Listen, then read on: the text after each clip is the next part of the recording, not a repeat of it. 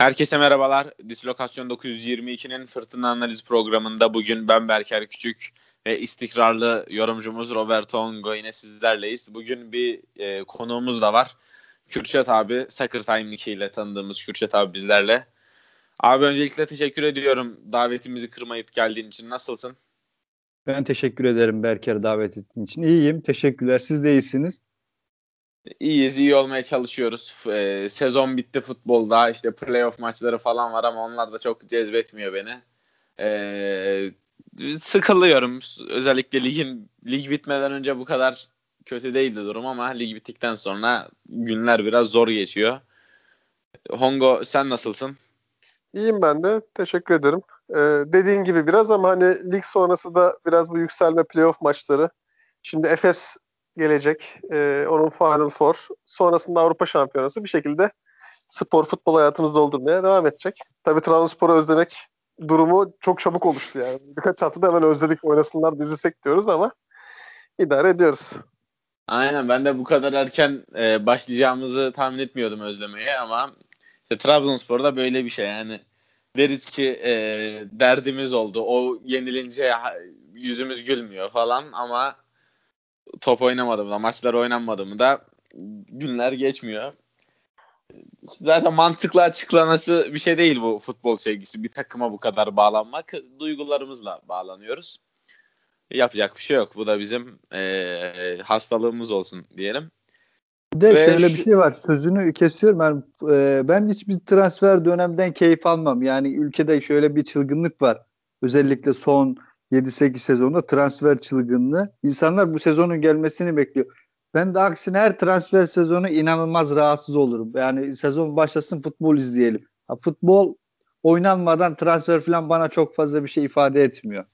Kesinlikle yani e, benim futbol maçlarını izlemeyen, Trabzonspor'un maçlarını izlemeyen ama transfer dönemi deli gibi transferlerle ilgilenen tanıdıklarım var. Yani e, bu biraz sıkıntılı bir durum bence. Fut transferler saha içi için, futbol için yapılıyor. Ama o transfer e, çılgınlığı insanları büyüsüne e, kap, ka, insanların büyüsüne kapılmasını sağlıyor. Gerçekten o da ilginç bir durum. Ben de öyle çok keyif almıyorum transfer döneminden. E, bir an önce en iyi şekilde Trabzonspor'un sezona başlamasını bekliyorum. Tabii ki doğru takviyelerle. Var mı eklemek istediğiniz bir şey gündemimize e, geçmeden önce? Yok. O zaman başlayalım e, ekonomimizi, Trabzonspor'un ekonomisini konuşmaya. Kürşat abi konu bu olunca seni çağırmadan olmaz dedim. Ee, ilk olarak Hongo ile ben ufak yorumlayalım bu transferlerin ekonomik boyutunu. Sonra sözü sana bırakacağız. Uzun uzun konuşursun. Ben ilk olarak bir Gervinho transferi hakkında konuşayım. Şimdi Gervinho zaten kariyerini tartışamayacağımız bir isim. Hani maliyetini bir kenara bıraktığımızda e, iyi bir transferi olma, olmadığını söyleyemem. Kesinlikle iyi bir transfer. Ama e, 34 yaşında bir oyuncu. Baktığımızda 1,5 milyon euro maaş, 650 bin euro imza parası yani 250 maaş diyelim. Çünkü her sene verdiğin imza parası senin maaş gibi oluyor. Bir kere versen bu imza parasını eyvallah ama e, her sezon başına imza parası diyorsun. Yani 2 milyon 150 bin euro maaş ve menajerine de 300 bin euro verilecek. E, yani 2 milyon 450 bin euro gibi bir maliyeti var Gervinho'nun. E, baktığımızda bir sonraki sezon ne olacak? Oyuncunun son sezonu denilecek bir sonraki yaz transfer döneminde. E, bu yüzden de e, oyuncudan para kazanma ihtimalinin ortadan kalktı zaten şimdiden yani. Seneye 35 yaşında sözleşmesinin bitmesine bir sene kalmış bir oyuncuya kimse bonservis vermez. Verse bile 3'ten 5'ten fazlasını vermez. Yani e, Gervinho'ya yaptığımız yatırımı alma şansımız yok maddi olarak. Ha, tüm transferleri zaten bu şekilde değerlendiremeyiz. E, takımın bütçesi vardır, yıldız oyuncuya ayırabileceği bütçesi vardır satılacak oyuncu oyuncular vardır. Ama Gervinho özelinde baktığımızda e, o parayı kendisi kurtaramayacak. Şimdiden bunu söyleyebiliyoruz. E, şunu da eklemek istiyorum. Hani Gervinho'yu getirdin başkan kazıklanmışsın bu param verilir de diyemeyiz. Çünkü böyle bir CVC olan yıldız futbolcuyu Haziran ayında getirmek istiyorsan bu parayı vereceksin zaten. Keza Bruno Perez için de geçerli bu e, düşüncelerim. Onun maliyeti 3 sezonluk olduğu için e, sözleşmesi biraz daha fazla oluyor totalde. Ondan da e, iyi bir yani o da yat, yapılan yatırımı karşılayamaz maddi olarak.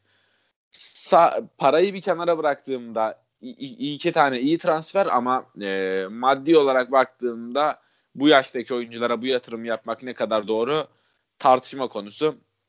Hongo senden de bu iki oyuncuyla ilgili yorumlarını alalım. Sonra Kürşet abiye bırakalım sözü. Valla şöyle normal şartlarda e, ismi kapatsak işte 87 doğumlu 34 yaşında bir oyuncu e, getirdik. Buna da 1,5 milyon euro maaş vereceğiz. Yani tavan maaşı vereceğiz. Öte yandan yanılmıyorsam 650 bin euro da her sene imza parası senin dediğin gibi aslında bu biraz arka yoldan dolaşmış olmak oluyor. Yani biz o 1,5 milyon euro tavan e, dediğimiz koşulu e, şey yapmış olduk, çiğnemiş olduk. E, 2 milyon euro üzerinde maaş vereceğiz desek e, itiraz ederim. Cervinho yani şey Cervinho'nun ismi kapalı yani böyle bir oyuncu var. Kimden getiriyorsak getirelim önemli değil. İşte Parma'dan, Roma'dan, Arsenal'dan fark etmez.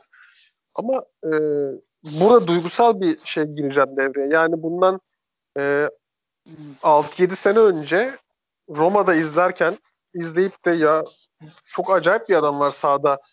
Ee, daha önceki işte Arsenal macerası falan da var ama o zamanlar benim hani e, içimden geçirdiğim zaman oldu ya gelse burayı dağıtır falan dediğim bir adam. Ee, e, sadece öyle bir şey koyuyorum yani e, ben normalde karşı olacağım bir transfer büyük büyük ihtimalle birçok insan da benzer bir şeyden yani isme şey yapıyor Cervinho deyince. E, o nedenle bizim stratejimiz bu mu olmalı? E, bir an önce vazgeçmemiz gereken bir strateji. Yani sen şimdi 2-3 tane adamı e, 30 yaş üstü 2-3 tane adamı takım içerisinde bulundurursun. Onlar işte hem abilik görevini yapar hem tecrübelerini ortaya koyar ama e, bunların sayısı arttıkça e, sıkıntı olmaya başlar. İşte Cervinho, Perez, e, Vakayeme 30'u geçti. E, konuşulan isimler var. Onlar da hep yaşlı isimler konuşulmaya başladı. Hoca söyledi zaten işte 30 küsürler e, yani 30 küsür demedi ama yani tecrübeli isimler arıyoruz. Çok genç bir takımdık falan dedi. E, bunun sayısı arttıkça problem olmaya başlayacağını düşünüyorum. E, o anlamda stratejimiz olarak bu olmamalı ama e, isim Cervinho olunca ben biraz ümitliyim. Hatta eğer olası bir sakatlık durumu falan yaşanmazsa biraz da buraya benimserse çok farklı şeyler izletebilir bize. Ee, geçmişi var, sakatlık geçmişi var. Son 3-4 ayda da e, sakatlandı. Oynamadığı maçlar vesaire var. Umarım katkı verir diyeyim. Sonra daha da açarız bu e, işin mali kısmında. Peki. Kürşet abi sözü sana bırakacağız. Ama ondan önce bir soru sormak istiyorum sana ben. Şimdi 650 bin euroluk bir imza parası Gervinho'ya 500 bin euroluk da Bruno Perez'e var. Ee, bunun sebebi hani e, yasal bazı yaptırımlardan kaçınmak mıdır yoksa hani böyle yapıyorlarsa da çok absürt bir durum ama e, kendi politikalarını çiğnememiş olmak için mi böyle bir imza parası mevzusunu ortaya çıkardı yönetim? Ben bunu sormak istiyorum. Yani ikincisinin olmamasını ümit ediyorum ama imza parası vermekle maaş ödemenin e, nasıl bir farkı vardır işte finansal fair play adına ya da başka denetimler adına e, onu da bilemiyorum. Bu konu hakkında bilgin varsa bizimle paylaşırsan sevinirim. Şimdi sorduğun sorudan başlayayım istersen olayı e, Gervinho ve Perez transferlerini yorumlamaya başlamadan önce. Şimdi biz e, ilk bu imza ücreti olayını e, Staric'le beraber yönetim başladı işte yıllara bölüp e, taksit taksit ödeme işine. E, o zamanki Bankalar Birliği ile yaptığımız anlaşmanın yükümlülüklerinden kaçınmak için e, Staric'e böyle bir çözüm bulunmuştu. Hani normal şartlarda anlaşılan e, yıllık maaşın çünkü oyuncu sana oyuncunun net bir talebi vardı. Ben bunu istiyorum. Bana bunu nasıl ödediğiniz sizin kulübünüzün bileceği iş. Yani ister bana bunu imza ücreti olarak ver, ister yıllık ver, ister şöyle ver. Ama ben her yıl sonunda bu meblağı istiyorum dedi ve ona göre bir anlaşma yaptın. Ama sen belli başlı yasal yükümlülüklerden sıyrılmak için Bankalar Birliği'nin Çünkü o zamanki Bankalar Birliği ile yapılan ilk anlaşmanın şartları biraz daha katıydı. Ee, ama işin içerisindeki o dönem bonservis giderleri varken imza ücreti giderleri farklı bir gider olarak göründüğü için e, bundan kaçınmak için böyle bir çözüm aranmıştı. Ama Bankalar Birliği ile yeni yapılan anlaşmanın detaylarını geçen aktif banktan da biraz araştırdım. Bu konuyla ilgili net bir açıklama henüz yapılmadı. Beşiktaş, Galatasaray, e, Trabzonspor da henüz e, o işin detaylarını ne kadar resmi sitelerine koyup açıklasalar da belli başlı konularda hala soru işareti var, soru işareti ve muallak var. Ama ben hala ilk yapılan Bankalar Birliği anlaşmasının geçerli olduğunu düşünüyorum. Eğer bu noktada bir açıklama yoksa. Yani yönetimin kendi e, yapmış olduğu arka odayı dolanmaktan daha çok buradaki yasal sorumluluktan kaçmak için bir çözüm aranıyor. Çünkü eğer biz zamanında Tariç'e o e, istemiş olduğu meblağın hepsini yıllık maaş olarak ödemiş olsaydık biz o zamanki e, TFF'den çok yüksek ihtimal bir uyarı cezası alacaktık. Limitimizi aştığımız için. Fakat biz oradaki belli bir miktarı e, imza ücret olarak ödediğimiz için buradan kaçındık. Çünkü biz o dönem tam sınırdaydık. Hatta sınırında ya hemen hemen her kulüp açtı. Ee, Anadolu kulüplerinin birkaç tanesinin çok net e, ya ulaşılamıyor. Yani nedir ne değildir nereler açıklıyorlar. Çok bilgim yok. Ama büyük kulüpler hemen hemen hepsi açtı. Ya kimisi çok yüksek meblağlarla açtı. Biz de o dönem açtık. Hani biz de e, o dönemki açtığımız meblağ yaklaşık 11 milyon TL gibi bir şeydi herhangi bir uyarı cezası vesaire bir şey almadık ama. Ama ödemiş olduğumuz o imza ücretinde gelir e, maaş olarak ödeseydik o cezayı alacak. Muhtemelen uzun lafın kısası muhtemelen yine aynı yasal durumdan kaçınmak için böyle bir çözüm bulunmuştur. E, hem o parayı taksili, taksilendirerek ödüyorsun hem e, elin rahatlıyor Bonservis olarak mesela Gervinho ile ilgili bir tartışma vardı. Bonservis al bonservisini almış olsan daha ucuza alırdın gibisinden. Onu bilemiyorum. Roma ile e, pardon Parma ile nasıl bir durum söz konusu Gervinho'nun arasında alacağım vardı. Onu bilemiyorum. O noktada bir yorum yapamam ama dediğim gibi yani şu andaki izlenen yol yasal zorunluluktan kaçınmak için böyle bir çözüm böyle bir çözüme gidiyor yönetim ve bunun da devamı gelecek bir iki transferde daha. Çünkü galiba ellerini bayağı bir rahatlatıyor bu konu. Anladım. Çok teşekkür ediyoruz bilgilendirme için. Ee, genel olarak yani bu iki transferi Trabzonspor'un ekonomisine yapacağı etkiyi ve Trabzonspor'un bu sezonki e, harcayabileceği para hakkında bize bilgi verebilir misin? Yani Uğurcan satılırsa falan onu demiyorum. Trabzonspor'un geliri nedir? İşte limitler nedir? E, TFF'nin uyguladığı limit neyi gösteriyor? Bunun haricinde Trabzonspor'un cebinde kalan para nedir? E, şeklinde de bizi bilgilendirirsen sevinirim. E, şimdi istersen e, şeyden başlayalım. E, adını sen söyle. Şu Gervinho ve Perez transferiyle ilgili. E şimdi insanlar tamam. e, çok çabuk çok çabuk kamplaşıyorlar Berker. Yani mesela bugün de e, farklı herkesin kendi farklı yorumu olabilir transferlerle ilgili. Hemen kaplaşıp karşı e, çoğunluk olan karşı tarafı dövmeye başlıyor. Yani ben bu transfer ekonomik olarak kendi açımdan değerlendirebilirim pekala. Belki sana göre farklı parametrelere eleş, e, e, ulaşmış olabilirim. Kendi açımdan değerlendirebilirim. Hemen dövmeye başlamaya çalışmamak lazım. Yani bugün e, her transferi kendi içinde maliyeti vardır. Ona göre değerlendirmek lazım ama kulübün genel bütçesine de bakmak lazım. Bugün e, bankaların bankalara e, borcun 1.2 olarak anlaşma imzalandı. Ama aktif bankta yaklaşık olarak senin borcun 1.5 milyar TL gibi borçtan bahsediyoruz. Bunu dillendiren var mı?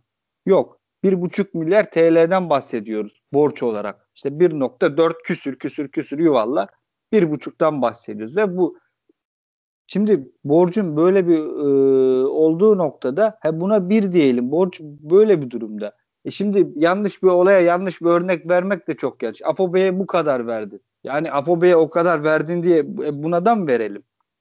Ya bu olay inanılmaz bir sarmala dönüyor. Ya inanılmaz kitleniyor olay. Ee, bir de şu, şu var ya her transferin maliyetini eleştirirken biz oyuncuyu kötülemiş olmuyoruz. Yani ben özellikle Bruno Perez'e e, Roma'da da bu sene epey bir izleme şansı buldum. İtalya Ligi'ni daha çok izliyorum. Ya inanılmaz bir oyuncu. Ben çok beğeniyorum ve çok da sevdiğim bir oyuncu. İlk adı çıktığında da bize gele gelebileceğini çok düşünmüyordum açıkçası. Oldu bu transfer. Ee, yani senin sorduğun soru yani tekrarlayabilir misin soruyu? E, Trabzonspor'un geliri ne kadardır? Hani şu şunun haricinde Uğurcan'dan 20 milyon kazandık.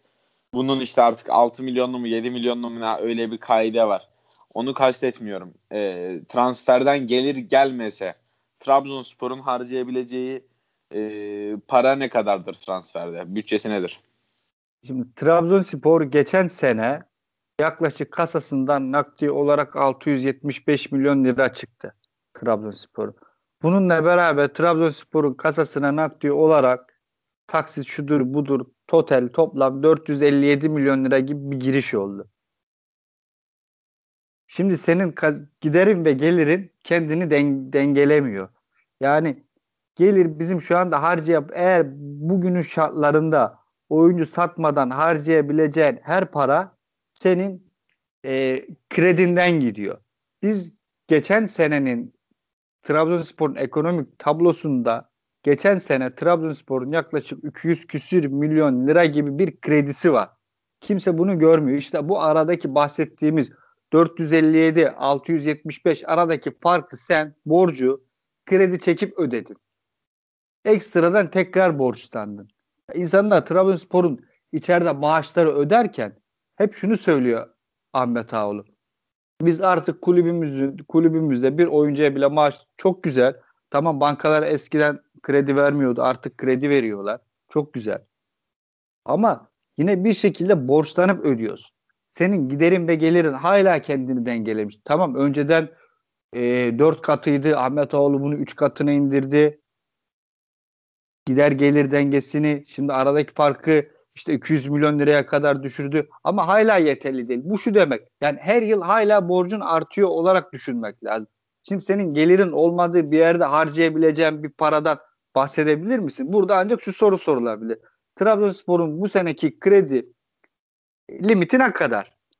Sen bu parça yap. Sen harcayabileceğin miktar bu. Oyuncu satışı olmazsa. Buradan bahsediyoruz. Kaldı ki geçen sene yaklaşık 11 milyon euroluk bonusla beraber oyuncu satışı da yaptı. Yani biz olmayan bir parayı harcıyoruz. Yani paran yok ki tam olarak har- harcamak istediğim şey ne ki? Kaldı ki bu sene gelirler büyük oranda düştü. Geçen seneye göre yaklaşık e, 125 milyon lira gibi bir düşüş oldu gelirinde. E, biz şimdi hangi parayı harcayacağız? Ya, şunu da söyleyeyim bazen e, DM'den de bazı arkadaşlar yazıyor işte niye bu kadar yükleniyorsun gibisinden ama e, Trabzonspor çerçevesinden baktığımız için yazıyoruz bunları. Yani aynı durumda Fenerbahçe Galatasaray da aynı durumda. Beşiktaş da aynı durumda. Ahmet Nur Çebi oyunculara istedikleri maaşlar vere, vermeyeceğini söylüyor ısrarla. O yolları ayıracağını söylüyor. Kurumsal yapıdan ödün vermemek için. Bunu senin de yapman gerekiyor. Çünkü kasanda nakdi akış yok. Olmayan parayı harcamaktan bahsediyoruz. Anladım abi. Teşekkür ediyoruz. Bir e, bilgilendirici olduğunu düşünüyorum bu konuşmanın. E, yani şunu anlayabilir miyiz buradan? O kadar da konuşulduğu gibi, zannedildiği gibi aydınlık bir e, çok iyi bir ekonomimiz yok. Ben şöyle bir algı var Trabzonspor taraftarında. Tabii ki kabul ediyorum. Usta dönemine göre çok daha akılcı bir yapılanma var e, Trabzonspor'un ekonomisinde. E, hani Ağoğlu'nun ekonomi anlamında işte maaş bütçesini üçte birinden bile fazla hani e, yüzde otuz seviyesine indirmesi e, usta döneminki maaş skalasına nazaran yapılan oyuncu satışları, yapılması muhtemel oyuncu satışları bunlara baktığımızda iyiye giden bazı şeyler var. Bunu kabul ediyorum ama e, gerek başkanın elinde olmayan bazı unsurlar olsun, gerekse Trabzonspor'un gelirlerinin daralması sonucunda olsun. E, Trabzonspor'un ekonomisi aslında hala daha öyle e, sürdürülebilir bir konumda değil diyebilir miyiz? Yani hala denk değil. Denk olmadığı için de her yıl 50-100 fark etmez borcun artıyor. İnsanlar şunu söylüyor ya Ahmet Ağoğlu geldiğinde borç 800'dü. Tamam oyuncu sattın ama düşmedi. E, düşmez. Kur. Kuru etkiledi bunu. Tabii. Ama temele kuru koymak çok yanlış. Pandemi etkiledi tamam. Ama sen gelir ve giderini dengelemek zorundasın. Sen her yıl gelirin atıyorum 100 liraysa bak total harcı insanlar şuna bakıyor. Benim bu yılki gelirim örnek veriyorum 100 lira. Ben o zaman 100 liralık bir takım kurayım. Sen 100 liralık bir takım kuramazsın. Sen her şey içinde bütün kulüp personelinin maaşları, teknik kadronun maaşları, altyapıya harcanan miktar, stadyumun bakımı, osu busu, stobaşı vergisi her şey paket içerisinde senin 100 milyon lirayla kulübü çevirme, 100 lirayla kulübü çevirmen gerekiyor. Sen 100 lirayla kulübü çevirmezsen eğer bizim gibi borçlu kulüpler sürekli içeriden yiyorsun. Sürekli krediden gitmeye başlıyorsun bu sefer. Biz hani insanlar oraya odaklanmıyorlar. Şuna bakıyor. Geçen bir arkadaş mesaj atmış. E, bir iki konuyu eleştirdiğim için. E, böyle böyle diyorsun da işte Trabzonspor'un bu sene gelir tablosunu da paylaşmıştım. İşte 357 gibi bir şeydi. 360 mı öyle bir şeydi. Tam da hatırlamıyorum. Ee, ama işte bu sene diyor 200 liralık takım kuracağız. Ya sen 200 liralık takım kuramazsın ki. Senin takımının geçen sene gider 675 milyon lira. Kulübünün gideri. Bu, biraz olaya buradan bakmak gerekiyor. Yani gider ve gelir maalesef çok fazla birbirini dengelemiyor. İşte e, yanlış hatırlamıyorsam 2019 senesinde olacak. Yusuf Yazıcı'nın satışıyla beraber Trabzonspor kar açıklamıştı. Ancak böyle e, satışlarla beraber mi Trabzonspor'un borcu erir yoksa çıkış noktası nedir? Bu soruya hem senin hem Hongo'nun cevabını merak ediyorum. Kürşat abi önce senin cevabını alalım. Müsaade edersen Roberto başlasın ben bir çay alayım. Tamam seni biraz fazla yorduk. Hongo buyur. Valla şimdi e, nasıl çıkarız bu cendereden? E, öncelikle şunu söyleyeyim. Şimdi bilançolara az çok ben de Trabzonspor'a ilgim olduğu için Trabzonspor'a bakıyorum. Normalde de bununla alakalı bir yazı da yazmıştım. Dislokasyona da e, işte site, siteye de yükledim. Kendi bloguma da yüklemiştim. Belki işte okuyanlar vardır. Türkiye'deki futbol takımların tamamı batık şu an. Tamam. Yani işte bazen e, duygusal şeylerle Fenerbahçelisi biz şu durumdayız. İşte Ali Koç vesaire işte Galatasaraylısı öbürüne laf atıyor. Onun bu kadar borcu varmış falan filan. Bir, bizi birbirimizden ayırmayalım. ya. Tamamımız batık durumdayız. Ben e, işte borsada da yatırım yapan birisiyim. Orada da e, bir takım şeyleri, bilanço incelemeleri falan filan yapıyorum. Bunların bilançosunu beklemiyorum bile. E, spor takımlarının. Çünkü berbat bir durumda. Nakit akışı yok. Yani kulübün içerisine nakit girmiyor. Şimdi kalem kalem nakitleri değerlendirelim beraber. Trabzonspor üzerinde konuşalım. Diğerleri için de diğerleri kendileri değerlendiririz. Sen bir kulüp e, nasıl para kazanır? Madde bir, sponsorluklar. Şimdi ülke durumuyla alakalı bir hadiseden bahsediyoruz sponsorlukta. Yani geçmişte çok iyi sponsorluk e, paraları alıyordun ama şimdi bugün e, Trabzonspor'un çok büyük bütçelerle sponsorluklar alması işte Q, QNB falan kişisel ilişkilerle daha öncesinde falan bağlanmış bir sponsorluk. Bunda o bittiği zaman ne olur onu bilmiyorum. Bunun yanında işte formadır, shorttur, stattır. Statta işte hani malum maç çok az sonra onlardan da bahsedeceğiz. Maçlar oynanmadığı için oradakiler de sınırlı hale gelmiş oldu. E, işte formayadır falan filan. Bunların tamamı kısıtlanmış durumda. Bir, yani senin burada elin dezavantajlı. Türkiye'deki bütün kulüplerin dezavantaj durumda. Yani Ali Koç olmasa Fenerbahçe'de Ali Koç'un işte Koç grubu şirketleri üzerinden bir takım sponsorluklar ayarladı. Bugün ee, Türk... Roberto müsaaden de o sponsorlukla ilgili kusura bakma sözünü kesin bir şey söyleyeyim. Mesela Vestel'le yaptığımız anlaşmada kur sabit. Kur dönemin insanlar şunu söylüyor. Niye artmıyor? Euro 10 oldu. O zaman biz anlaşmayı e, Euro ile yap, dolarla mı yapmıştık? Euro, Euro ile yapmıştık yanlış bilmiyorsam Vestel'le. Neden artmıyor? Artmaz. Çünkü o adamlar seninle anlaşma yaparken kuru sabitledi. E, Trabzonspor adamların babalarının kulübü mü? Yani sponsor kuru sabitliyor orada arkadaşlar. Yani ona bir dikkat edelim. Tabii tabii. Yani işte şey burada çok dezavantajlı durumdayız. Ben onu Trabzonspor, Trabzonspor üzerinden başlayalım. Dediğim gibi kişisel ilişkilerle falan kurduğumuz şeylerde ki böyle olmasında bir sakınca yok aslında. Yani marka değerini öne çıkartamıyorsan ki Türkiye'de artık o marka değeri iyice hani kendi ulusal annemizin ligi dediğimiz bir şey vardı ya oraya dönmüş durumda. İyice iç, iç çekişmeler ve başka başka bir sürü makro nedenler dolayısıyla. Hal böyle olunca da yani sen markanla ya da işte bir birlikte e, liğinle diyeyim yani onu yani bir şey gücünle bunu satamadığın için kişisel ilişkilerle tuttuğun sponsorluklar var. Onlar da senin dediğin gibi işte e, kur sabitlenmesi durumu söz konusu oluyor. Başka bir hadise olduğu zaman sponsorla karşı karşıya geliyorsun. E, herhangi bir şey istediği zaman, talep ettiği zaman ekstra vesaire. Ya da sen talep ettiğin zaman karşı karşıya geliyorsun. Doğal olarak Türkiye'de başta Trabzonspor diyelim. Biz hani şu an Trabzonspor'u konuştuğumuz için belki başta daha kötü olanlar vardır ama bütün takımlarda böyle bir durum var. Dikkat edelim. Bazı zamanlarda ligin ilk 5. E, 6. haftasına kadar formasına sponsor bulamayan takımlar oluyor Anadolu'da. Adam yani formu önü sponsor alamıyor. Sonra işte 5. 6. hafta yine bir şekilde falan bağlanıyor bir takım ilişkiler falan. Yani burada pazardan dolayı gelen bir e, bağlantı da yok sponsorlukta. O nedenle sponsorluk maddesini üstünü çiziyorum. Yani art, azalan bir e, gelir kalemi. Başka nasıl e, para kazanırsın? Maç günü gelirleriyle. Şimdi maç günü gelirleri dediğin şey zaten normalde çok büyük bir şey olan yok. Yani bizde böyle bir spor kompleksi içerisinde Almanya'dakine benzer, İngiltere'dekine benzer, e, İspanya'da büyük takımlarınkine benzer bir yapı olmadığı için bir kompleksi içerisinde takıma e, gelir sağlayıcı aksiyon olmadığı için bilet satışları falan filan işte e, olduğu kadar e, ne kadarsa onlar zaten azalıyor ve doğru düzgün bir kalem değil. Bunun yanında zaten Covid ile beraber e, bu sene hiç yoktu. Bir dahaki senede insanlar tedirginlik duyacaktır. Hadi gelirler mi gelmezler mi? Onu da geçtim yani. Onu da üzerine çizdim. Devam edelim. E, üçüncü madde şey gelirleri e, işte forma satışı vesaire senin şeyden storelardan gelirlerin. E, bu da direkt Türkiye gündemiyle de Türkiye piyasasıyla alakalı bir şey. Yani şimdi bugün e, öğrenci arkadaşlar falan arasında, arada sıra görüyorum şeyde e, Time'da, Twitter'da falan filan.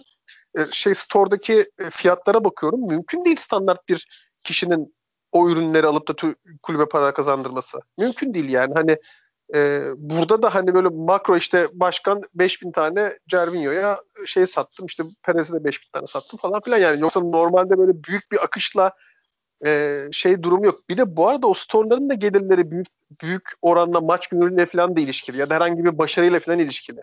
E, orada da çok üst düzey bir durum. Bunu e, lafına giriyorum Ongo pardon. Bunu başkan açıklamıştı. Yani adam maça gitmeyecek forma alması için onu cezbeden bir şey olmuyor işte Dışarı evet. çıkıp formasını sergileyemeyecek almıyor o yüzden formayı. Etkiledi kesinlikle store satışlarımızda düştü demişti başkan. Bir evet, de zaten... e, bu 300 liraların kısa bir şey ekleyeyim onu bırakacağım sana sözü. E, bu 300 lira gibi paraların fazla olduğunu, standart bir taraftarın alamayacağını ben de kabul ediyorum ama bunu e, kulübe ya da store'un o yönetimine bağlayamayız. Türkiye'nin alım gücüyle alakalı bir durum bu. Yani orada hiç şeyi bak burada nedenleri sıralamıyorum yani yönetim kötü, hoca kötü, şey bizim pazarlama şeyimiz kötü, e, başarısızlık ona bağlamıyorum. 300 lira dediğin para 30 euro. 30 euro dediğin para bugün Avrupa'da bir tane öğle yemeği. Yani iki kişi oturursan 30-40 e, euroya kalkarsın zaten. O anlamda zaten aslında bir forma parası şeyde baktığın zaman aslında çok pahalı değil 300 lira dediğim para. Yani şey olarak vurunca. E, ama hani Türkiye'de 300 lira e, yani şimdi bir öğrenci takımın formasını her sene alayım bir şeyi olsun falan yapamaz yani. Kolay değil. E, halimiz ortada. Bu dediğin gibi Türkiye'nin makro durumu alakalı ama neyle alakalı olduğu dönem değil. Neticede buradan para kazanamıyorsun. E, geldi dördüncü madde. Yayın gelirleri. Bein Sports'ta sürekli kavga ediyorsun. Federasyon ayrı kavga ediyor. Fenerbahçe ayrı kavga ediyor. Bu kavganın temel nedeni Bein Sports'un bu pazardan beklediğini alamaması. Yani sen ligini olmadığı bir fiyata sattın Bein Sports'a. Ama işte siyasi ilişkilerle ama başka vaatler verdin. E, buna göre de eziliyorsun.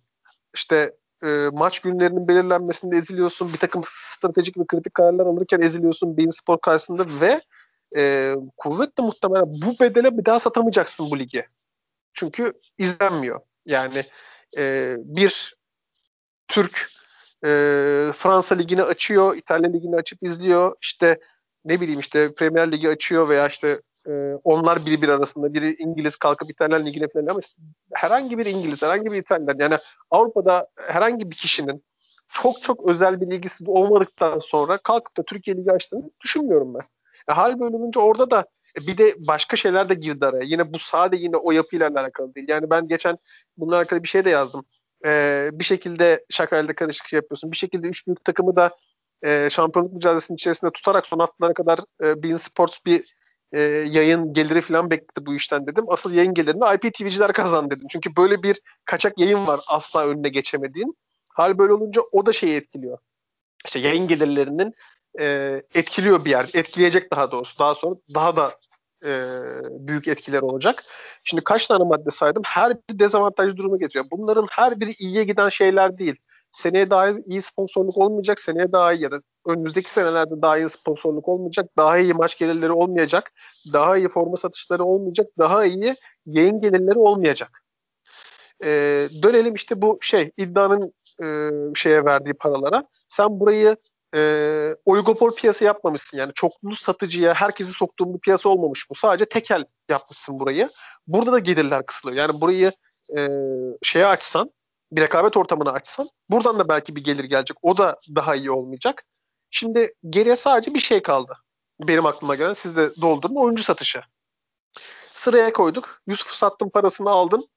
Ee, Kürşat'ın dediği gibi şey olmadı. Hani e, azalmadı senin şeyin.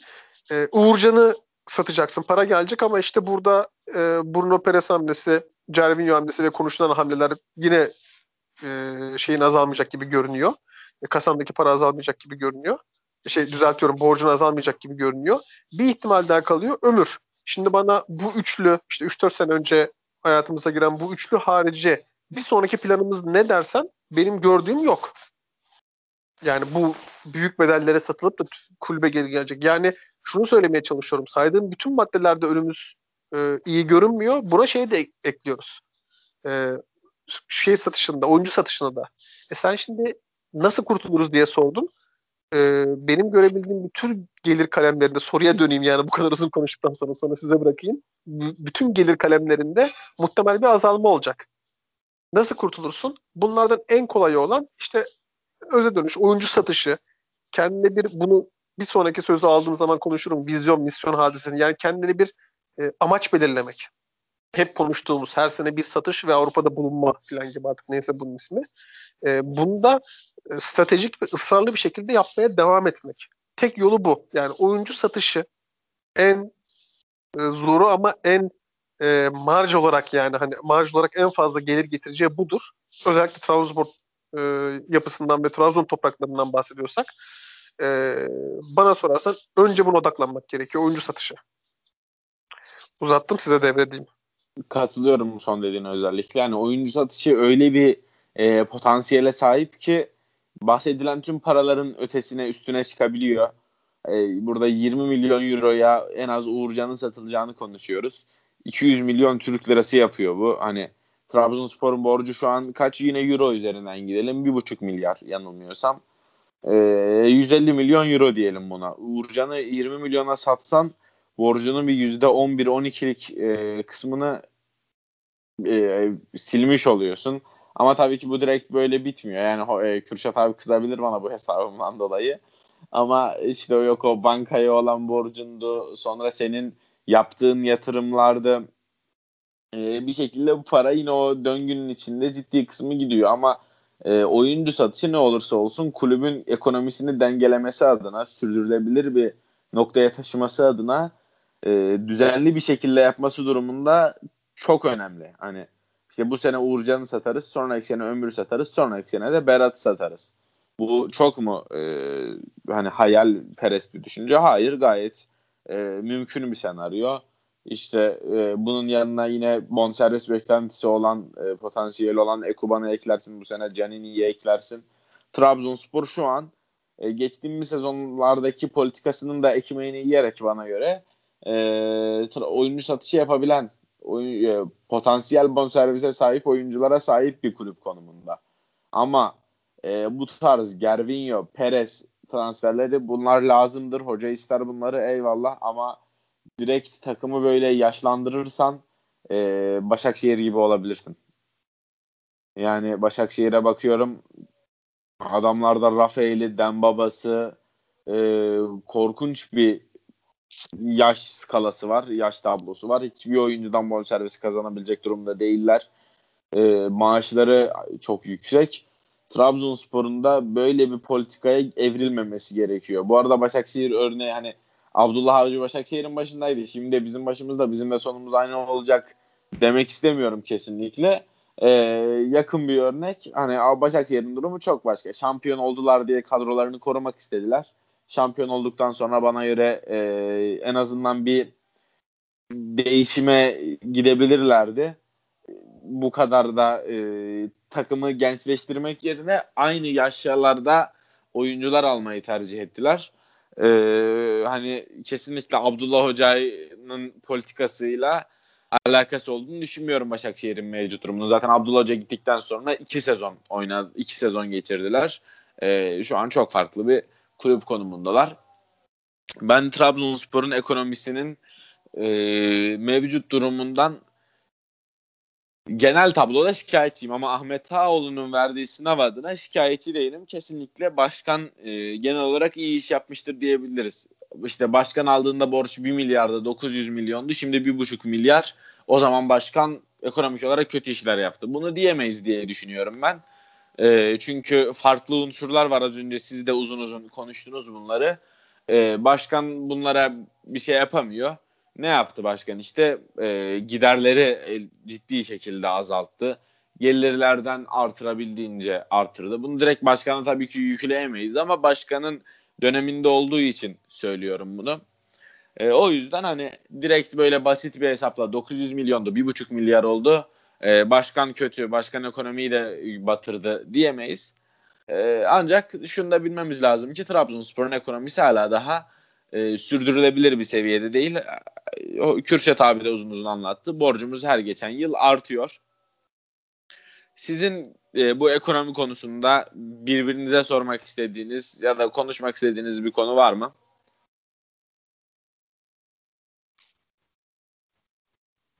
Yok sanıyorum. Ya şu, bir şey yapabiliriz. Ben hani bırak, e, şey yapayım. Tekrardan devam edeyim. Şimdi biz Lili ele alalım. Yani bu sene bütün Türkiye'deki e, futbol severler takip etti. Trabzonsporlar daha fazla takip ettiler. Lili 2019 e, şey oynanırken yani o sezon oynanırken biz şunu biliyorduk. Bu adamlar Pepe'yi bir maç şey sonunda e, sezon sonunda e, büyük paraya okutacaklar. E, Lille 2020 e, aradaki bu aradaki transferleri saymıyorum. Arada kaleciyi de sattılar vesaire işte e, birkaç tane daha böyle iyi para kazandıkları transfer oldu ama onları geçiyorum. Böyle sansasyonelleri şey yapacağım. 2020 lig başladı. 3. 4. hafta hatta bunlara bir tweet atmıştım. Osimhen'i satacaklarını biliyorduk. İşte 70 milyon Napoli'ye gönderdi. Pepe'yi işte 80 milyonu Arsenal'e gönderdiler. Şimdi biz bu sezonda başladığı zaman Lille'in kadrosunda işte Yusuf nereye gider acaba diye. Ee, işte e, kim var onunla? Jonathan David var. Bir yere gider mi acaba? Veah var işte bir yere gider mi? Bir sürü e, isimden bahsediyoruz değil mi? Yani bir yapı oluşmuş. Bu yapıya birisi geliyor, eklemleniyor. Hem yarışmacı oluyor. İşte önceki sene e, bir şeyler yaptılar. Bu sene zaten şampiyon oldular vesaire. Hem de e, geliştirici olup kulübe para kazandırıyor. Lille dediğimiz yer köy köy yani Lille dediğimiz yer e, öyle acayip böyle bir Avrupa'nın ekonomik merkezi veya işte Avrupa'nın spor şeyi falan değil. Bildiğin hani bir yapıyla şey olmuş. Yani ufacık bir yerden bahsediyoruz. Ee, ama Benim bildiğim Fransa için de biraz e, geride kalmış bir şehir. Yani ya yok canım şey Lille dediğin yer Yok yok işte, Lille Fransa ülkesi adına demek istiyorum. Diğer şehirlere nazaran yani. Tabii ki yani hani işte e, Paris'i şusu busu Monaco zaten hani ayrı krallık vesaire hiç yani onlar arasında çok fazla şey yapılacak bir yerde değil.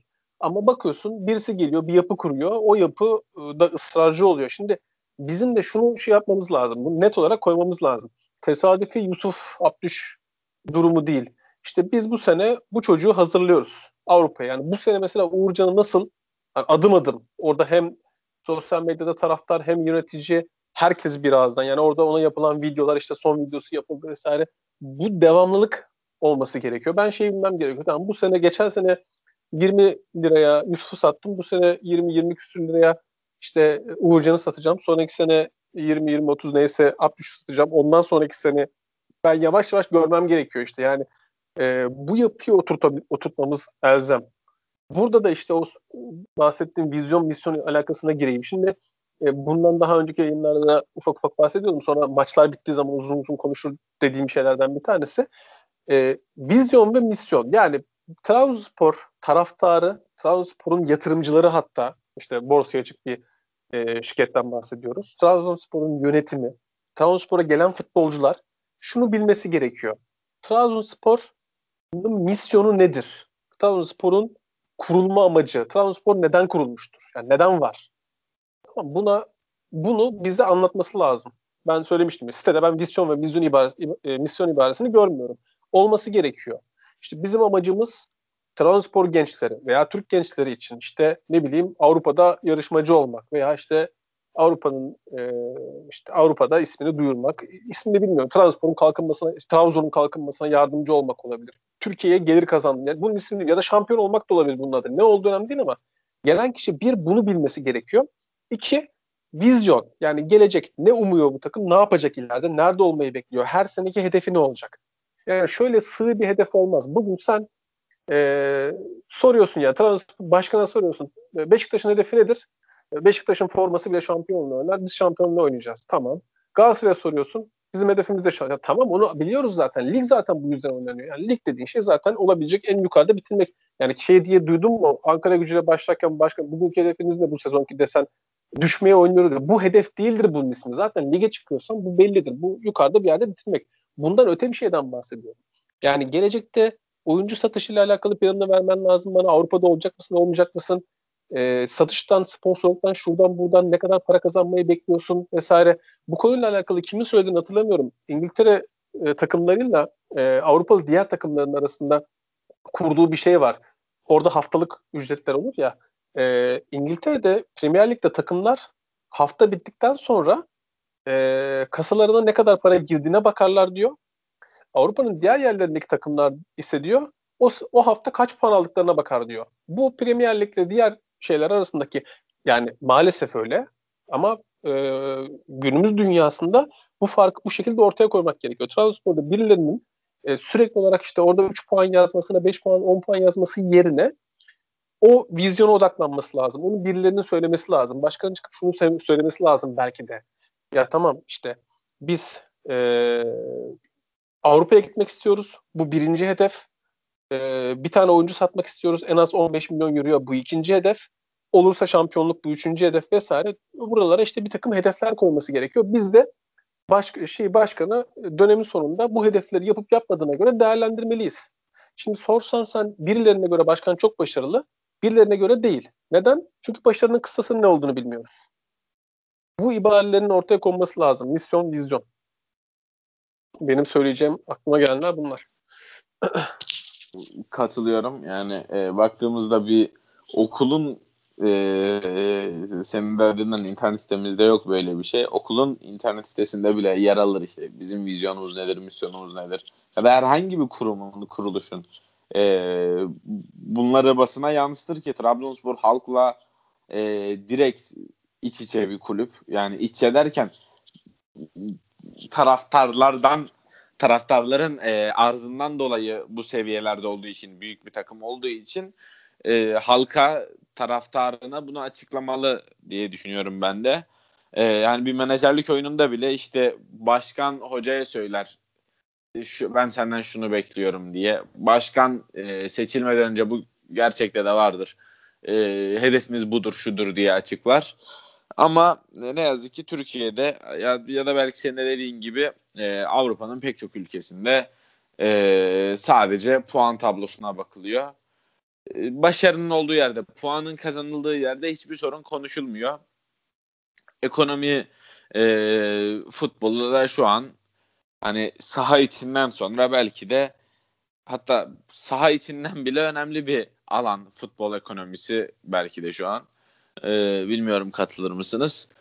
Çok önemli bir alan ancak e, pek çok taraftar bunu göz ardı ediyor. E, bir taraftar, bir özür dilerim transfer çılgınlığı söz konusu. Bu e, kulüpleri yanlış bir yere sürüklüyor. Zamanında bunu yapıp e, sonu kötü olan pek çok kulüp oldu. Toparlanamayan pek çok kulüp oldu. Ee, ki şu an Türk futbolunun bu halde olmasının sebebini ben yok işte hakemlermiş e, farklı unsurlara falan bağlamıyorum. Kesinlikle kulüplerin yöneticilerinin saçma absürt kararlar almasına bağlıyorum. Ee, deyip ben sözlerimi noktalayayım. Sizin eklemek istediğiniz, e, ifade düşüncenizi ifade etmedik istediğiniz bir konu var mı? Ben sadece şunu şey söyleyeyim. Bu bir soru geriden gelmiş olayım. Bu cendereden nasıl çıkacağız konusuyla ilgili bir şey söyleyeyim. Ya şimdi şöyle bir şey var. Biz çok mikro bakıyoruz olaya. Yani e, özellikle 2013 sonrası Avrupa futbol piyasası dev adımlarla büyürken, uzak doğuya kadar açılırken, büyük yayın ihaleleri, büyük konsesyumlar kurulup ligler satılırken Türkiye Ligi oradan adım adım geriye gitmeye başladı. Biz Lazio'lu grupta e, Avrupa Ligi'nde çıkarken o zamanki Lazio ile kadromuz hemen hemen kafa kafaya gidebiliyordu. Sen bugün Lazio'dan Milinkovic Savic satsa adamlar gelirler Trabzonspor'u satın alırlar. Yani belki biraz e, fantastik bir örnek oldu ama yani iş bu noktada. Yani bir oyuncusuyla senin takımını satın alabilecek seviyede. Yani onlar farkı bu şekilde açtılar. Ama Avrupa futbol piyasası birbiriyle zincirlenmiş durumda, kenetlenmiş durumda. Beraber büyüyorlar. Kulüpler de aynı şekilde beraber büyüyorlar. Beş büyüklükte tek başına büyüyen bir tane kulüp var mı? İnsanlar bugün Paris Saint Germain'e kızıyorlar. En son bununla ilgili de bir şey yazmıştı. İnsanlar bugün Paris Saint Germain'e kızıyorlar ama Paris Saint Germain sayesinde Fransa Ligi'nin almış olduğu yayın ihaleleri ne olacak? Diğer kulüplerin almış olduğu dev ücretler ne olacak? Kimse hiç kimse bunları sormuyor. Serie A yönetimi Agnelli'ye Ronaldo transferinden dolayı teşekkür etti. Teşekkürün amacı şuydu. Yeni bir konsesyuma İtalya Ligi satıldı. Uzak Doğu pazarına gitti. Orada Premier Lig'de yeniden bir rekabete girdiler. Sırf Cristiano Ronaldo transferinden dolayı beraber büyüyor Avrupa futbol piyasası. Sen ülkende sadece kavga ediyorsun. Fenerbahçelisi, Trabzonsporlusu, Galatasaraylısı, yönetimleri, osu busu. Sen ülkende sadece kavga ediyorsun. Sen kavga ederek bir ülke futbol ekonomisini kalkındıramazsın. Biz istediğimiz kadar Trabzonspor'la ilgili burada sabahtan akşama kadar dil dökelim. Yusuf'u satsa şöyle olur. Hiçbir şey olmaz. Hiçbir şey olmaz. Uğurcan da satsın. Üstüne Vakame'yi de üstüne gitmez bu borç. Sen çünkü ülke futbolu olarak bir arada hareket etmiyorsun. Yani biz çok mikro bakıyoruz ülkede futbola. Sen buna makro bakıp bütün atliklerinle beraber üst lige doğru beraber zincirleyip beraber hareket etmeye beraber hareket etmeye çalışmış olsa belki bu ülke futbol ekonomisini kurtarabilirsin. Ama sen tek başına oturduğun yerde hemen her taraftan işte şuradan şu sponsordan gelir gelir. Ya istediğin kadar bu hesaplar ya. E, elbette biz de konuştuk. Yaklaşık bir saat bunu konuştuk. Ben tuttuğum takımın çok da keyif alıyorum. Bütçeleri, bilançoları takip ediyoruz. Büyük de keyif veriyor. Ama yani işin finalinde tünelin ucundaki ışığı beraber hareket etmeden kurtaramazsın. Zamanında Ali Koç'u desteklediğim için bana Fenerbahçeli misin diyenler vardı. Bu bankalar birliği anlaşmasına sert sesle tek karşı çıkan Ali Koç'tu. Sadece Ali Koç karşı çıktı. Ve doğrusunu yaptı o dönemki anlaşmaya. Çünkü bu yapılan bankalar birliği anlaşmasının şartları çok ağırdı. İspanya bunu 12 yıla yaydı. 2007-2008'de yaptı ve kulüplere 2007-2008'de devreye gireceği 2003-2004 sezonunda haber verildi. Senin futbol ekonomin, bankaların, siyasetin hiç kimse bir arada hareket etmiyor. Yani böyle bir iklimde sen biz ülke futbol ekonomisini kalkındıracağız. Yani böyle bir şey mümkün değil. Biz e, fantastik bir rüyayı konuşuyoruz aslında. Yani tek başına bakıldığı zaman. Yani kurtulmaz bu ekonomi. Bu bu devir bu devran yani dediğim gibi istediğini sat, istediğin kadar yetiştir. Bak istediğin kadar yetiştirsen çok fantastik örnekler olmadığı sürece kurtulmaz. Hiçbir futbol takım. Çünkü birbiriyle ilintili bir şeyden bahsediyoruz. Avrupa futbolu yükselirken sen aşağı doğru çekiliyorsun. 2000'lerin başında veyahut da 2000'den e, ortasında aramızdaki makas bu kadar açık olduğunu söyleyebilir. Kim söyleyebilir? Avrupa'nın başaltı takımlarla yarışıyorduk işte.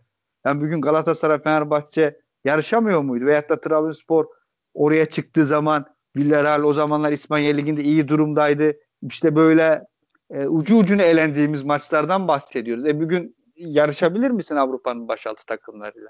Yarışamadın işte. Bir puan aldın döndün GTF'ye, Basel, evet.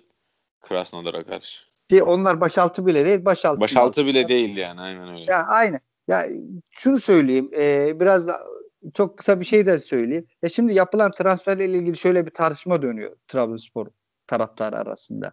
İşte, işte e, şu kadar genç alın diye bir işte genç alın diyenler var. Aslında şu kadar genç alın diyeyim de bir durum yok ortada. Yani ben de e, yani bu gençler alınmış olsa da zaten bir Trabzonluk hiyerarşisinin olduğu yerde bu çocuklar kenarda kalacaklar. Atakan'ın, Salih'in olduğu gibi. Veyahut da diğerlerinin olduğu gibi. Yani olmayacak. Şimdi ben de genç alın diyenlerdenim. Şunun altını çizin. Ben de genç alın diyenlerdenim. Ama ben genç derken hiçbir zaman işte 18 yaş gelsin, 19 yaş gelsin demiyorum. Elbette gelecek adına. Bu, bu grup olmazsa olmaz gelecek adına. Ama benim işaret ettiğim şey şu. Gerçek squad transferlerinden bahsediyorum. Henüz göze gelmemiş böyle gençlik dolgunluk arasında kalan 24-27 yaş grubu.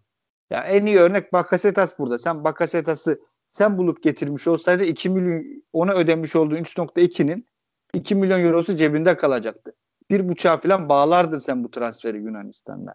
E senin Kolman örneğin var. Sen Kolman'ı gittin Belçika'dan yani orta sıra takımlarından birisini aldın getirdin. Yıllarca damga vurdu bu adam. Yani sen 24-27 yaş grubundaki oyuncu üzerine bir takım inşa edebilirsen uygun maliyetlerle böyle bir kadro 20-21 yaş arasındaki 2-3 genci de kaldırır. Artı 30 üstü 2-3 tane oyuncuyu da kaldırır. Senin şampiyon oldun 10-11 senesinin kadrosunun temellerini Ersun Yanal bu yaş grubuyla kurdu. Sen bunun üzerine şampiyon oldun. Biz her yıl bu tarz transferler yapıp ve başkanlar, yönetimler hep şunu söylüyor. Biz bu yıl şampiyon olacağız. Ya olamıyorsun işte. Ya olabildik mi? Gerçekten olamıyoruz ve her yıl e, şey yaşıyoruz. Ne derler? Böyle bir hayal e, kırıklığı. E, ya hayal kırıklığı yaşıyoruz. Böyle bir kuyruk yakalamacı oyunu oynuyoruz. Ya bir film var ya bugün aslında dündü diye. Gerçekten öyle. Bugün aslında dündü. E şimdi bu sene Gervinho transferi için e, maliyetini eleştiriyoruz. Gelecek yıl da benzer bir transfer yapılacak. Ve bu yıl Gervinho'yu alkışlayanlar Gervinho giderken tıpkı AFB'de yaşadığımız gibi tıpkı diğer oyuncularda yaşadığımız gibi bu sefer yeni gelecek oyuncuyu da alkışlayacak. Yani taraftardaki bu algıyı da kırmak mümkün değil. Taraftar da şunu söylüyor. Ben ekonomist miyim arkadaş? Ben oturur Gervinho'yu izlerim. Ben ilgilendirmez. Buna da saygı duyuyorum. Ben de bu kafadakilere saygı duyuyorum ama e, taraftarın da hani bunu sorgulama hakkı vardır yani. Ya e, burada... Tabii ki işte biz sorgulayan taraftayız zaten. Tabii. Burada şunu da e, dikkat etmemiz gerekiyor gibi bence. Şimdi biz diyelim ki yani şampiyon olamadık hadi tamam o kadar transferler falan filan yine de başarı gelmedi. Başarı eğer şampiyonluksa. E, ama e, şöyle bir şey düşün. Yani şimdi biz mesela seneye şampiyon olduk. E, sonraki sene de şampiyon oldun. Sonraki sene de şampiyon oldun. Öyle bir dünya hayal edin. Öyle bir hayal kuralım yani. Şimdi bunun örnekleri var işte. Paris Saint Germain de 5-6 sene üst üste şampiyon olsun. Juventus da 5-6 sene üst üste şampiyon olsun. Bu bir yarış. Böyle her sene başlayacak bir yarış. Yani şampiyon olunca da bitmiyor ki. Bu anlamda hedefin şampiyon olduk olmasının az önce söylediğim bir önceki konuşmamda söylediğimle benzer bir biçimde hedefin şampiyon olması, olması saçma.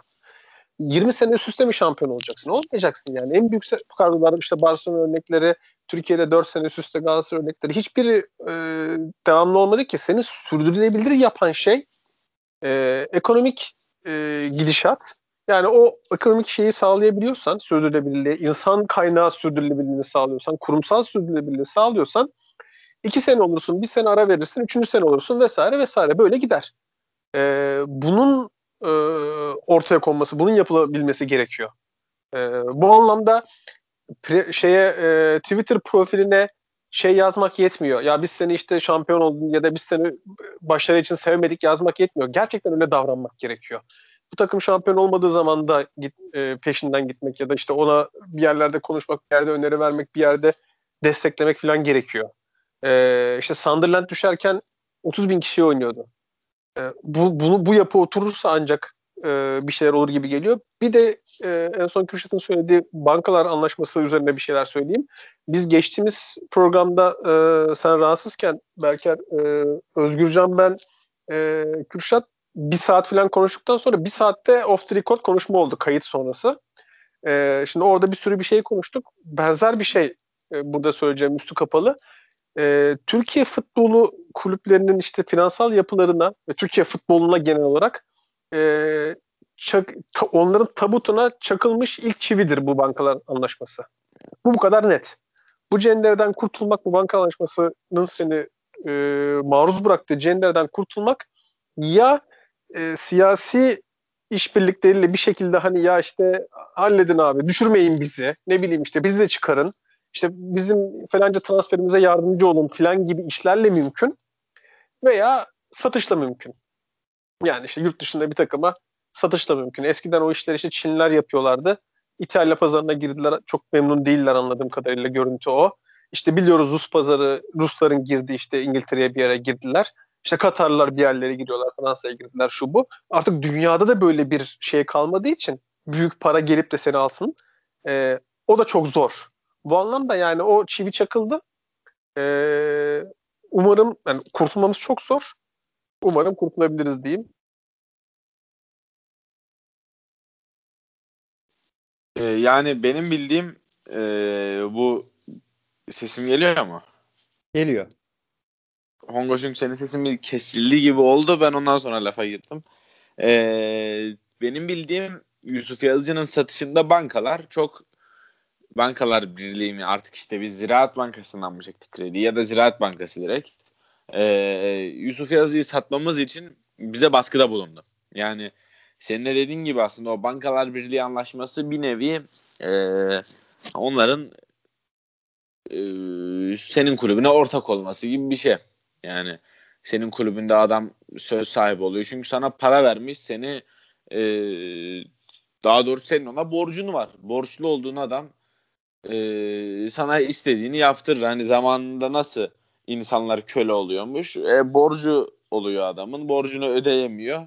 O zaman gel kölem ol diyor sana. Gidiyorsun kölesi oluyorsun. Yani sen e, bugün buna benzer bir durum yaşıyorsun.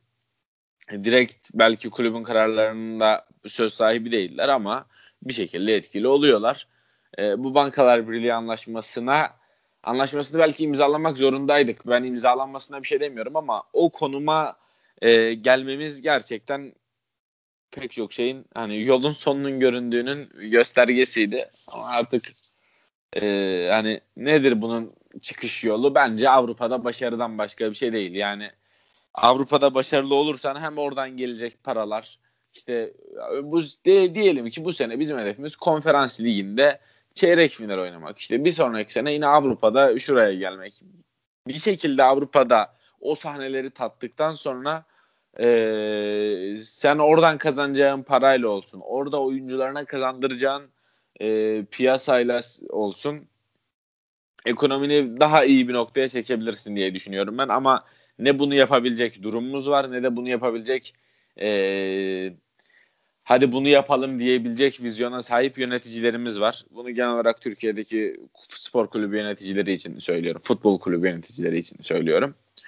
Ee, bu yüzden hani bir çıkışın çok mümkün olduğunu en azından yakın vadede söyleyemem ben. Ee, sizin eklemek istediğiniz bir şey yoksa programı kapatayım. E, son sadece şu şeyi ekleyeyim. Yani ya, direkt yapılan bankalar bile anlaşmasıyla direkt borcu zaten eritmek gibi bir durum söz mümkün değil. Yani gerçekten mümkün değil. Ha, olay aslında şu. O zaman Ali Koç'un söylediği şey şuydu. Ya bir borcu tamamen eritmek gibi bir şey mümkün değil. Bugün dünyada böyle bir futbol ekonomisine sahip büyük camia, büyük kitlelere hitap eden hiçbir futbol kulübü yok. İşte kim vardı vakti zamanında? Akhisar bunun da övünüyordu. Bilmiyorum şimdi nerelerde ne yapıyorlar. Haberim yok da. Bilmiyorum belki de kapanmıştır. Cidden hiç haberim yok. Kapanmak ee, üzere e, diye biliyorum ben. E, yani böyle bir şey mümkün değil zaten. Borcun elbette olacak. Önemli olan o borcu sürdürülebilir hale getirip o borçta yaşayabilmek. O borcun senin sırtına kambur olarak e, dur, durmasının önüne geçebilmek. Sen bunu yaptığın takdirde ekonomik olarak başarılısındır. Sen bir buçuk milyarlık borcu her yıl yapılan 8 yıllık anlaşmayla her yıl 2-2-2 ödersen ancak bitirebiliyorsun. Yani ve her yıl azalacak bu şekilde. Böyle bir şey mümkün mü? Değil. o zaman sen sürdürülebilir gelir gider dengesini doğru kurman lazım. Senin geli, gelirin ve giderin doğru olursa o borç zaten Ahmet Ağaoğlu'nun ilk geldiği sene ve ikinci senenin ilk dönemde yaptığı gibi o borcun dengeliyor. Çok rahat ediyorsun kulüp olarak o zaman. Önemli olan burada bu. Bu imza paralarına vesaire karşı çıkmamızın olayı da şu. Yunus, Perez, e, Gervinho'ya ödenen imza paraları yaklaşık her yıl menajerlik ücreti şudur budur yaklaşık işte her yıl menajerlik ücretlere göre 40 milyon liraya dayanacak. Bir de buradan bakmak lazım. Sen böyle bir böyle bir olayın altına girdiğin zaman ister istemez e, işin rutininden Ahmet Ağol'un önceki yapmadığı bir şey bu. Rutininden vazgeçmiş oluyorsun.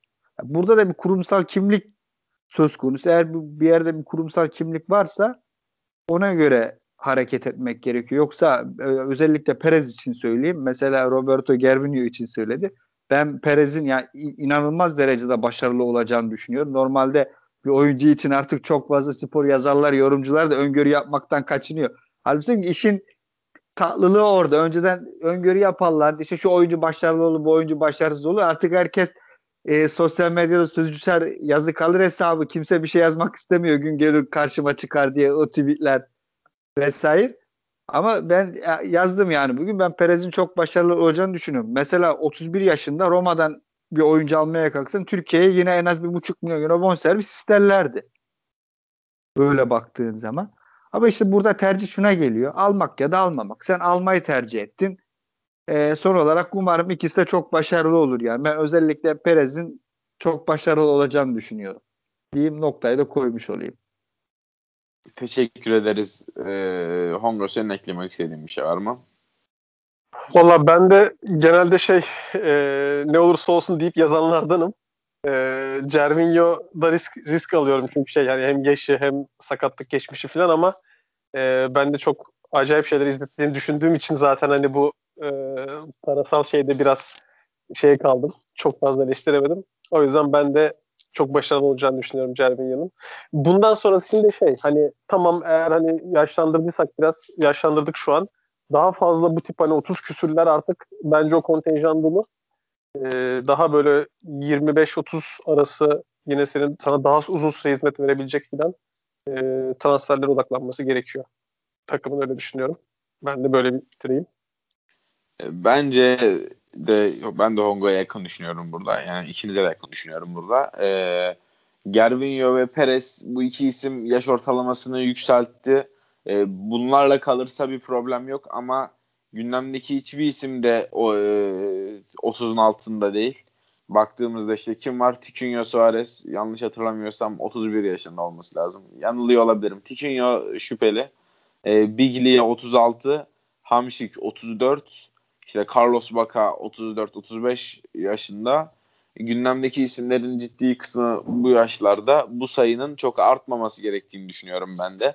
Ama böyle transferlere de ihtiyaç vardı. Hani işin ekonomik boyutunu bir tarafa bıraktığımızda Gervinho ve Perez'in alınmasını hem takımdaki oyuncu profilinin çeşitlendirilmesi adına hem de e, saha içinde verecekleri sonuç adına doğru olduğunu düşünüyorum ben bu iki transferin ama işin ekonomik boyutunu zaten bir saat boyunca konuştuk.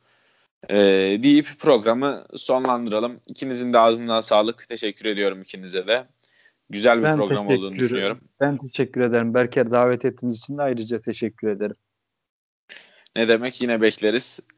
Ee, Hongo sana da teşekkürler. Teşekkürler. Sağ olun. Ağzınıza sağlık. Bundan sonra yine e, böyle gündem biriktikçe programlarla karşınızda olacağız. Bizi takipte kalın. Hoşçakalın. Hoşçakalın.